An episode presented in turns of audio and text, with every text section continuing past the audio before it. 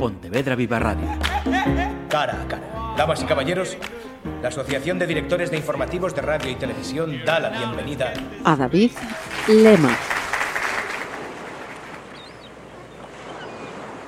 Diario de Santiago Insua. Los muertos también gritan. 8 de febrero. Yo pensaba que los muertos no gritaban. Y así lo creí durante mucho tiempo, exactamente hasta que a Celia le dio por estudiar tanatopraxia. No lo hizo por vocación profesional, ni siquiera por tradición familiar, un motivo que al menos le habría restado un poquito de macabro a la decisión.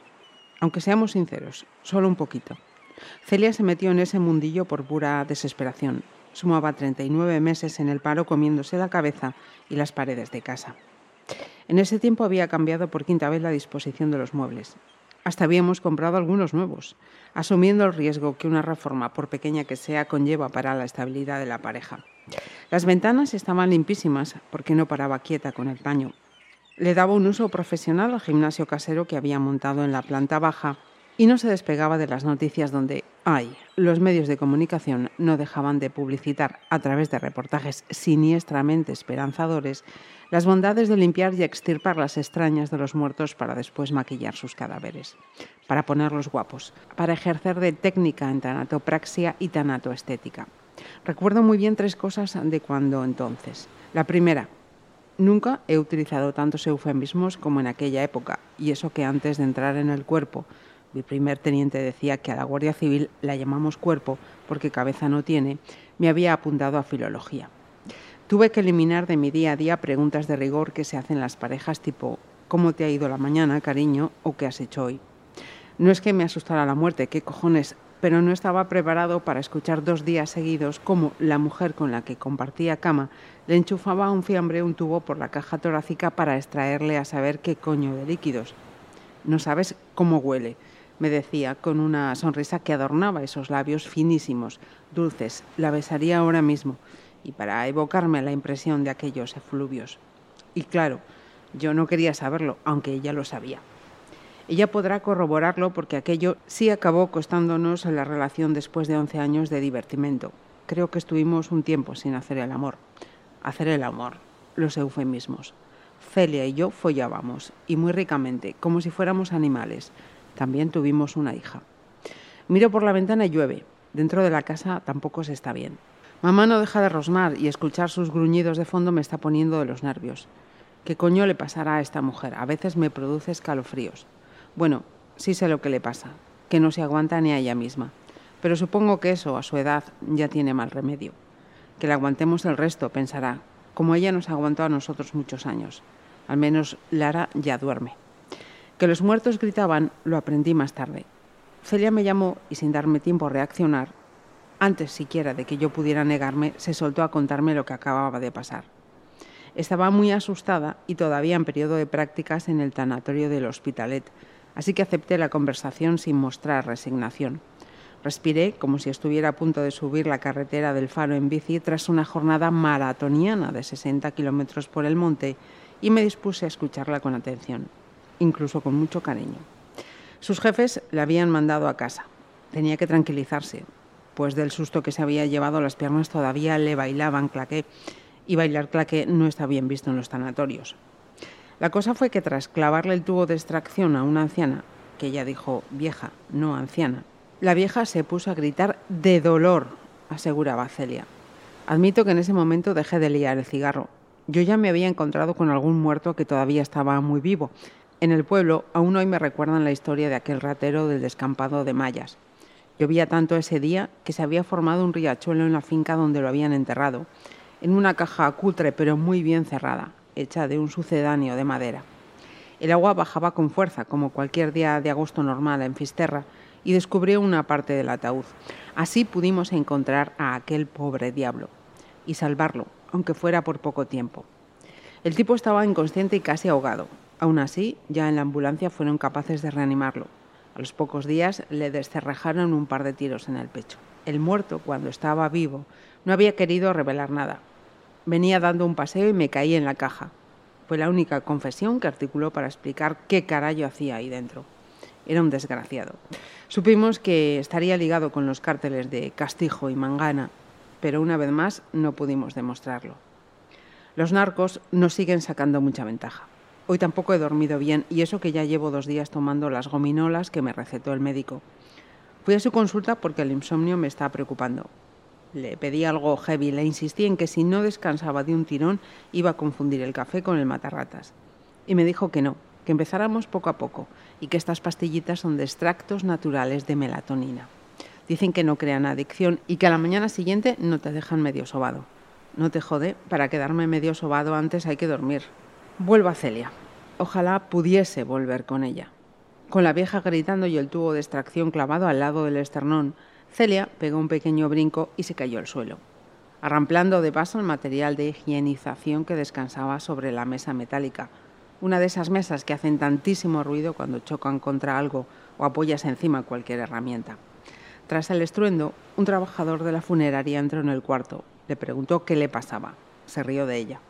Le explicó que lo ocurrido era normal, que al pincharla, el aire que todavía pululaba por el cuerpo de la anciana había acariciado a mucha velocidad las cuerdas vocales y que por eso le parecía que la pobre señora, la pobre muerta, le estaba hablando desde ultratumba. La arropó a Celia, no a la señora, a la que siguieron drenando, y le dijo que se fuera a casa a descansar. Durante mucho tiempo la anécdota formó parte de nuestro repertorio común en las quedadas con amigos.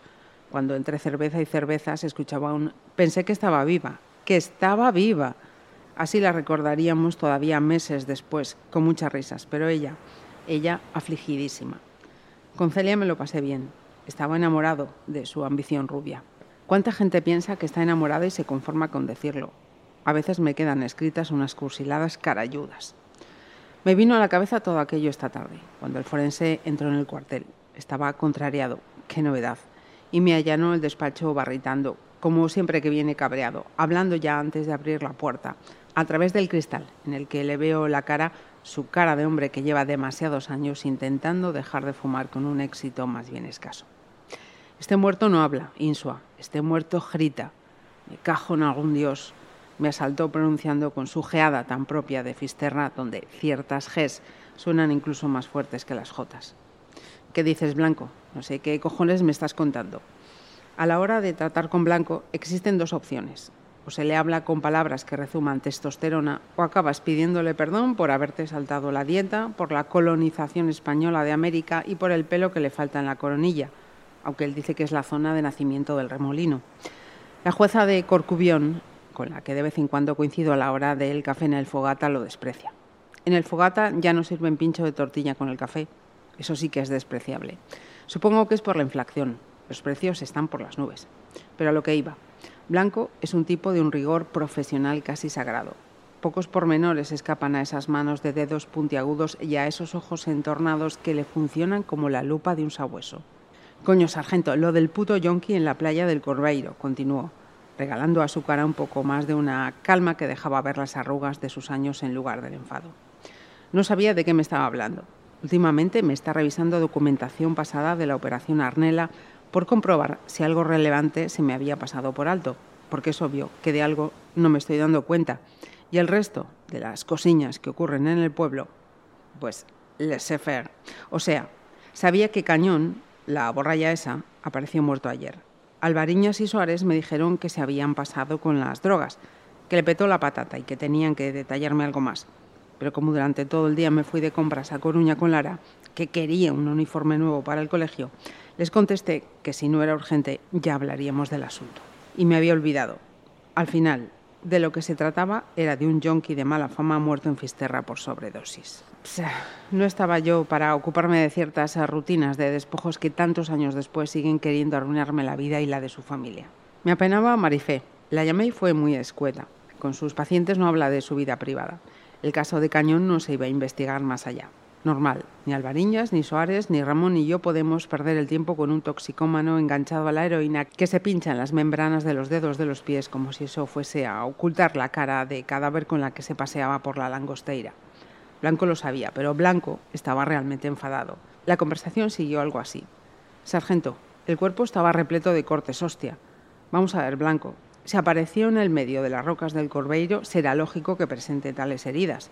Alvariñas y Suárez se encargaron de la inspección ocular, así que si hubieran percibido algo fuera de lo común, me habrían informado. Al carajo, bufó. A ver, es cierto que muchas heridas y sobre todo contusiones. Se arrancó a explicar Blanco con un tono profesional que solo exhibe en los momentos importantes y al que, al parecer, había yo dado pie con mi respuesta de escolar. Guardan relación con lo que me dices, pero el cuerpo también presentaba muchos cortes de arma blanca y no parecen autoinfligidos. Blanco me cae muy bien, lo sabe y creo que se aprovecha de eso. Enseguida me tiró encima de la mesa fotos del cadáver con agilidad y desprecio. Para que me entiendas de una puta vez, tiene un golpe grande en la cabeza, de una roca, seguro, pero los cortes son en su mayoría heridas de arma blanca insua, y no creo que se las haya hecho él. Voy a citar a Alvariñas y Soares en el juzgado. Su tono, pero sobre todo sus insinuaciones, me cabrearon. Cada vez aguanto menos que me lleven la contraria. Soy demasiado joven para arrastrar ya este defecto. ¿Me parezco a mi madre? Otra vez. Ya sabes en qué va a acabar eso. En nada. Blanco, no me toques los cojones. Ha sido muerte súbita. Si hasta tú lo habrás podido comprobar. Ahí me pasé un poco. Sus buenas capacidades no merecían semejante impertinencia. Y acabé con mi frase típica. Bueno, ¿sabes qué? Aldo que te salga del nabo. El forense, admitiré en su descargo, aún tenía muy reciente la última golfada, que, la verdad, había sido gorda. Un hombre que dice que era de Carballo había aparecido muerto en el puerto. Llegaron dos de la policía judicial y, antes de entrar a casa, una casa viejísima que más bien parecía un cobertizo, ya estaban afirmando que se trataba de un suicidio, que no había nada que ver ahí. Días después, Blanco llamó a la patrulla, les enseñó el cadáver y metiéndole la mano por el agujero no natural del cráneo, les espetó con su sorna habitual. Mirad que hacerse esto a uno mismo es muy difícil, pailanes. Lo peor del caso es que no había nada oscuro detrás más que la desidia de aquellos agentes que no querían pasarse unos días envueltos en papeleo. Fue bastante sonado.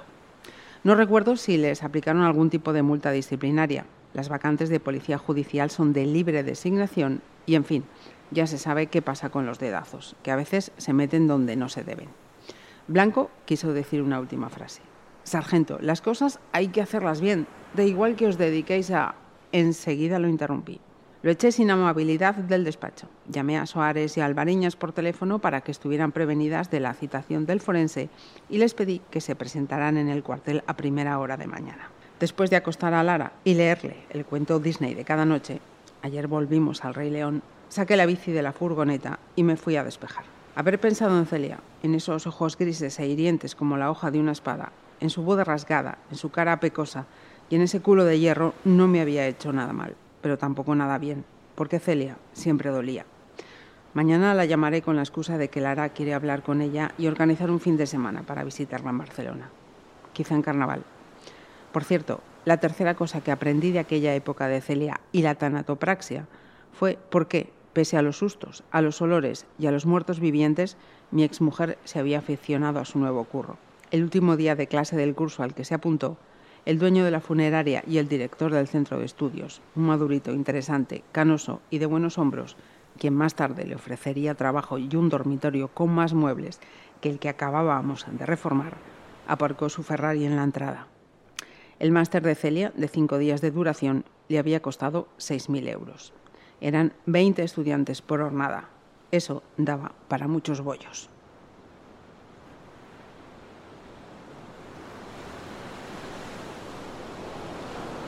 David Lehmann no es un debutante en esto de publicar, al menos como periodista, pero sí como novelista. Y lo hace con Los muertos también gritan. Así que lo primero, saludamos a David y la primera pregunta, ¿cómo va esa salud? Ah, porque, porque sabes lo que me pasó la última vez, ¿no? Sí, sí. va bien, va bien. El problema cuando pasas del metro noventa es que hay muchas puertas diseñadas, como digo yo, para hobbits sin ningún ánimo de ofender. Entonces, en la última cita que teníamos, me comí una puerta que creo que la hice más grande del golpe que, que me llevé, Marisa. Bueno, pues eh, superadas esas eh, incidencias con la altura y a modo también de, de retranca, veo que no la pierdes, ¿se te quedaban cortas eh, las entrevistas, los reportajes, los artículos que dijiste, venga, a por la novela?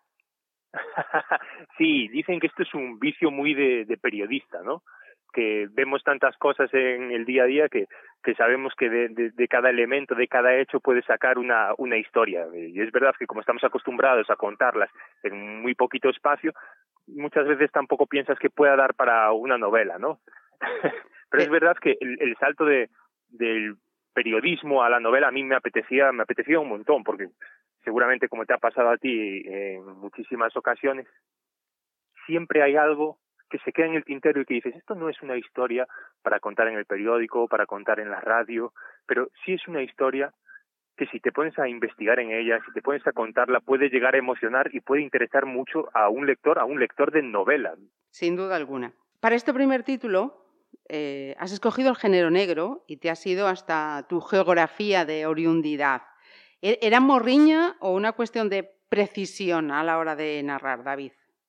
Es una mezcla de las dos cosas. Yo creo que eh, la morriña existe por algo, ¿no? La morriña es un tópico, pero todos los que sobre todo nos vamos de, de, de, de, casa en algún momento, y fíjate, te estoy hablando como si, como si viviera en Australia y no, y no es Madrid, ¿no? Pero es verdad que, que aunque te vayas a 100 kilómetros a la redonda, que, que, decía un profesor mío, ese sentimiento, no sé por qué, sigue existiendo, ¿no? Y fíjate, me he revelado contra él en el sentido de que una de las protagonistas de, de la novela, precisamente, reniega de ese, ese sentimiento de, de, morriña sí, hacia el territorio, ¿no? Ella dice que algo así como que la morriña son los suyos y que da igual donde estén, si están en Galicia o si están en, en el fin del mundo, que bueno, que en este caso también está en Galicia, ¿no? Eh, um, esta trama nos, uh, nos lleva por una dilatada investigación contra el narcotráfico por parte de, uh -huh. de, agentes de la Guardia Civil en la Costa de la Morte. Y lo aderezas con, con, corrupciones, con la forma en que se convive aquí con el eh, narcotráfico, pero también introduces otros temas que no son tan colaterales a estos anteriores. Por ejemplo, la salud mental y el suicidio. ¿Por, ¿por qué has querido introducirlos, David? Bueno, yo creo que mmm, todas las novelas, sobre todo las novelas de, de misterio, policíacas, las que a mí más me gustan no son solo las que giran en torno a la trama policial.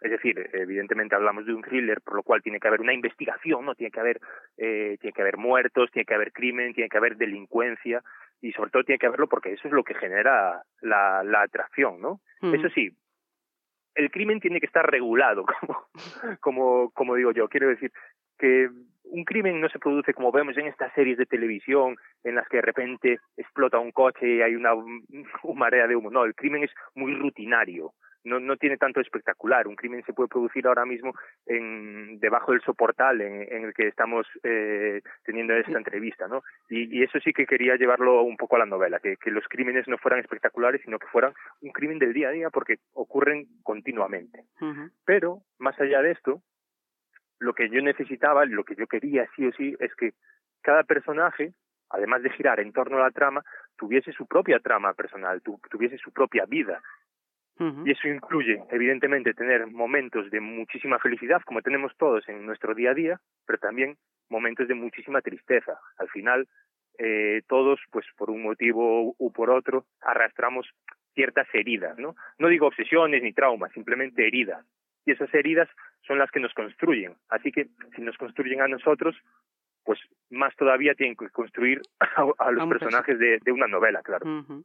Pues vamos con, con, los personajes, porque a buena parte eh, de ellos les pasa como, como a ese paisaje que también describes, por unos momentos completamente cubiertos de esa borracheira, y cuando la borracheira levanta, hay otro paisaje. Quizá con la anterior respuesta ya, ya está dada también esta.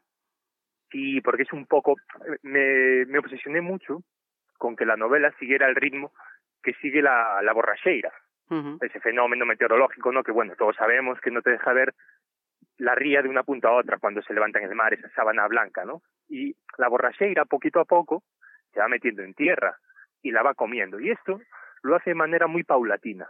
Entonces la trama discurre al principio también de manera muy, muy paulatina y dejando al lector la impresión de que en cada banco de, de niebla, ¿no? que en cada banco de humedad, de esta humedad que, que te cala los huesos, pues como te decía antes, puede cometerse un asesinato de la manera más cotidiana posible. Y de repente, la, esa borracheira que tarda tanto, tanto, tanto en entrar en la tierra, desaparece, porque es verdad que desaparece de una manera muy rápida. Y quise jugar con eso en el sentido de que en la novela ocurre lo mismo. De repente todo está lleno de borracheira, todo es niebla, todo es espesura, pero de repente todo se soluciona y todo queda, bueno, más que se soluciona, todo queda despejado, todo queda a la vista del lector, ¿no? Sí, sí, sí. Y vamos con el narrador barra periodista. Y con tu permiso, eh, voy con un extracto de un diálogo de dos personajes de la novela que me ha gustado mucho. Eh, dicen, uno de los personajes, prefiero que me cuentes tú lo de Trillo, Filla, que lo haces muy bien. Cuando eras pequeña siempre le decía a tu madre que ibas a ser escritora o periodista. Responde, que poco me quieres, pa. Eso sí que es una profesión de mangantes y no la Guardia Civil.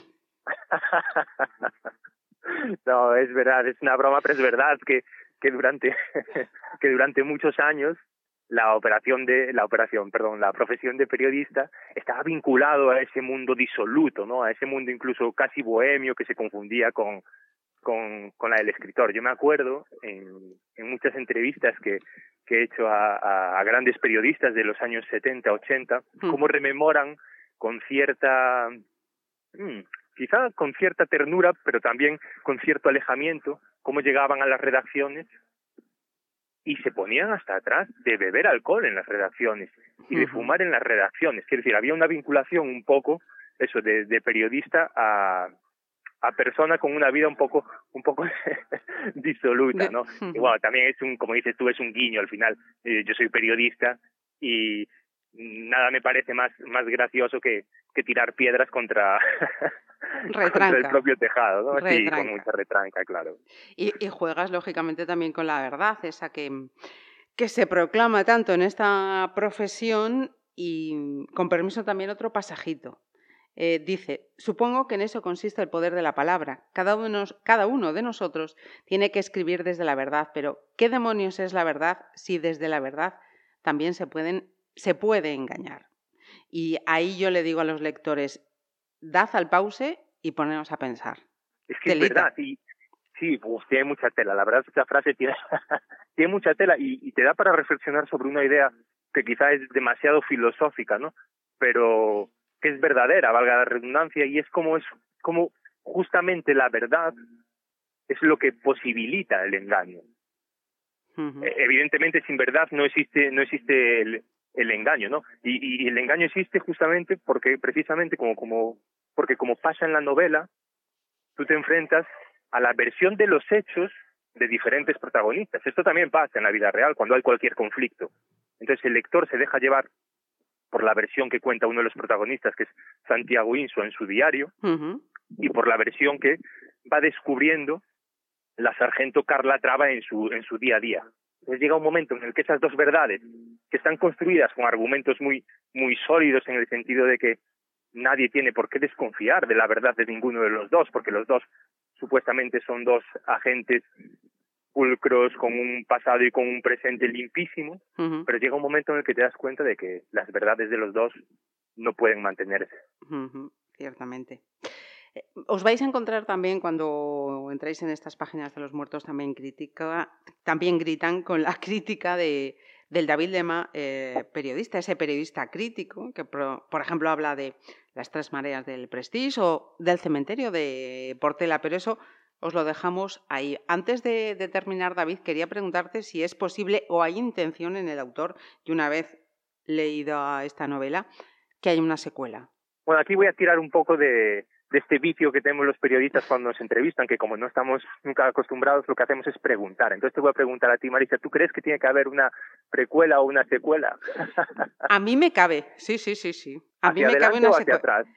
Pues mira, lo de la precuela no lo había pensado. Tendría que volver a echarle un, un vistazo, pero secuela mmm, yo la veo.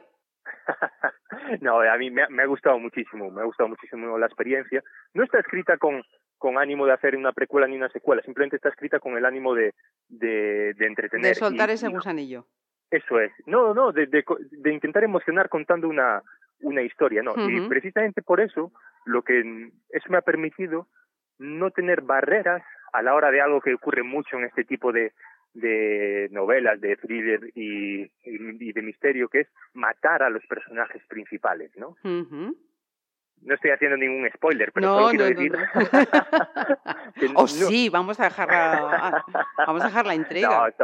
todos sabemos, por ejemplo, que uno de los personajes eh, muere al principio. Esto no es ningún spoiler porque muere en, en, el segundo en el segundo capítulo y además creo que viene, creo no, viene en el resumen de la, de la contraportada de, la novela, ¿no? Pero es verdad que no pensar más allá y pensar en simplemente que lo que quieres hacer quede bien no te, no te obliga a tener ninguna atadura con, con los personajes.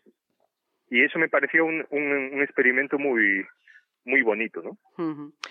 Pues eh, nos quedamos de momento con este primer título de David Lema. Ahora eh, podéis seguir leyéndole, podemos seguir leyéndole en, en la prensa. David, un placer. Muchísimas gracias por atendernos. Muchísimas gracias a ti, solo faltaría. Un abrazo grande. Pontevedra Viva Radio ¿Me permiten que les haga un comentario como espectadores del programa Cara a Cara? Según un reciente sondeo de mercado, ustedes disponen de estudios e inteligencias superiores a la media.